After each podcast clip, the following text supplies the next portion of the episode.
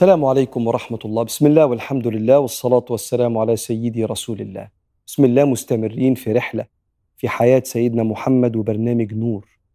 نور هو اسم سيدنا النبي عليه الصلاة والسلام. اللي ربنا سماه بيه في القرآن قد جاءكم من الله نور وكتاب مبين. النور سيدنا رسول الله والكتاب هو القرآن.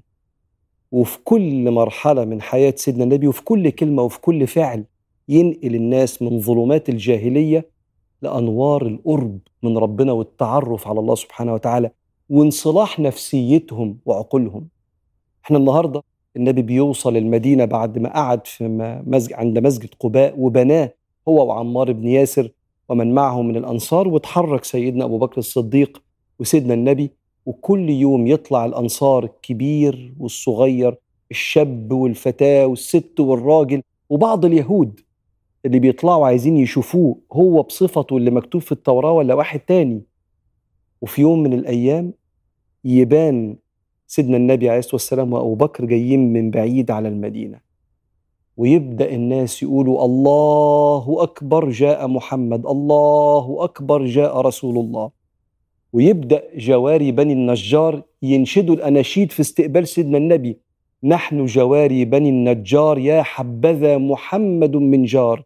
يعني يا بختنا بجوار سيدنا النبي انه جالنا عليه الصلاة والسلام.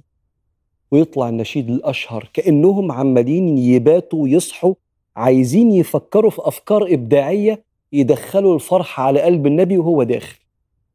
ويطلع النشيد الأشهر طلع البدر علينا القمر وصل طلع البدر علينا. البدر هو اللي كان بينور الصحراء الضلمة.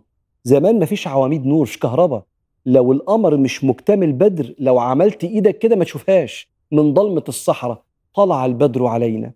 من ثنية الوداع مدخل المدينة. وجب الشكر علينا ما دعا لله داع. أيها المبعوث فينا إحنا اللي ربنا أكرمنا بوجودك في وسطنا. أيها المبعوث فينا جئت بالأمر المطاع. جئت شرفت المدينة مرحبا. يا خير داع صلى الله عليه وآله وسلم. يعني إحنا داخلين المدينة والناس بترحب. يعني إحنا وإحنا ماشيين محدش هيرمي على وشنا التراب. وإحنا بنصلي محدش هيجي يدوس على رقبتنا لغاية ما يخنقنا. محدش من أصحابي هيتاخد ويتسحل بالحصنة وهو عاري الظهر كده في رمضاء يعني صحراء مكة المولعة نار.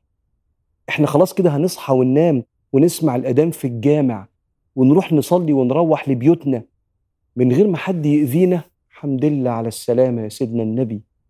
وصل المدينة المنورة. ويدخل النبي وتبدأ البيوت تتسابق لاستضافة النبي. تفضل حضرتك. تفضل حضرتك. وسيدنا النبي عليه الصلاة والسلام يقول لهم دعوها فإنها مأمورة. فتعدي على البيت الأولاني. فصاحب البيت يقول له يا رسول الله بيتك وأهلك. تفضل. يقول دعوها فإنها مأمورة. الكل بيقول له تفضل. بعد ما من كام يوم كان الكل عايز يقتله صلى الله عليه وسلم لكن دوام الحال من المحال. الأحوال الصعبة بتنتهي مش حاجة بتستمر لا باقي إلا وجه الله. والبيت التاني أهلك وناسك يا سيدنا النبي دعوها فإنها مأمورة لغاية ما وصل سيدنا النبي عليه الصلاة والسلام عند ديار بني النجار فبركة الناقة بوحي من ربنا سبحانه وتعالى القصواء اللي مكملة معانا قصة حياة سيدنا النبي. عليه الصلاة والسلام. وأول ما تبرك الناقة صلى الله عليه وسلم يقول أي بيوت أهلنا هنا؟ فيقولوا له ده بيت أبو أيوب ويجي أبو أيوب جري يشيل متاع سيدنا النبي عليه الصلاة والسلام ويدخل بيه لبيته عشان يبدأ استضافة النبي شهر عقبال ما يبنوا المسجد النبوي.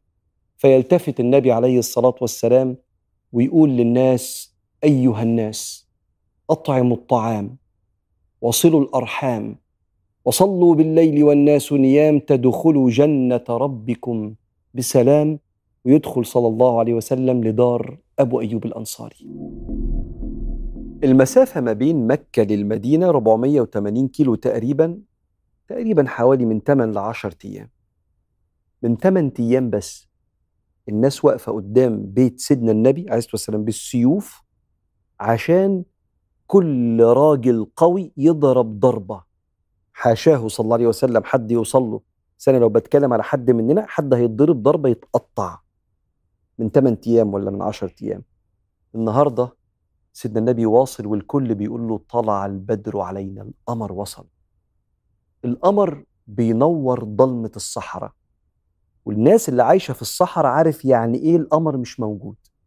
يعني إذا أخرج يده زي ما ربنا بيقول في القرآن إذا أخرج يده لم يكد يراها. مش شايف إيديه من الضلمة. النبي جه طلع البدر علينا. من المنطقة دخلت المدينة اسمها ثانية الوداع. وجب.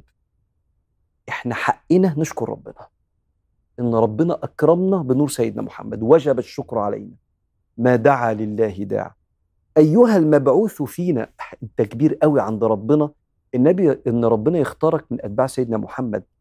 كما أرسلنا فيكم رسولا منكم. واعلموا أن فيكم في قلبك لو ما عشتش معاه وصليت وراه وكنت من الصحابة فهو عايش في قلبك.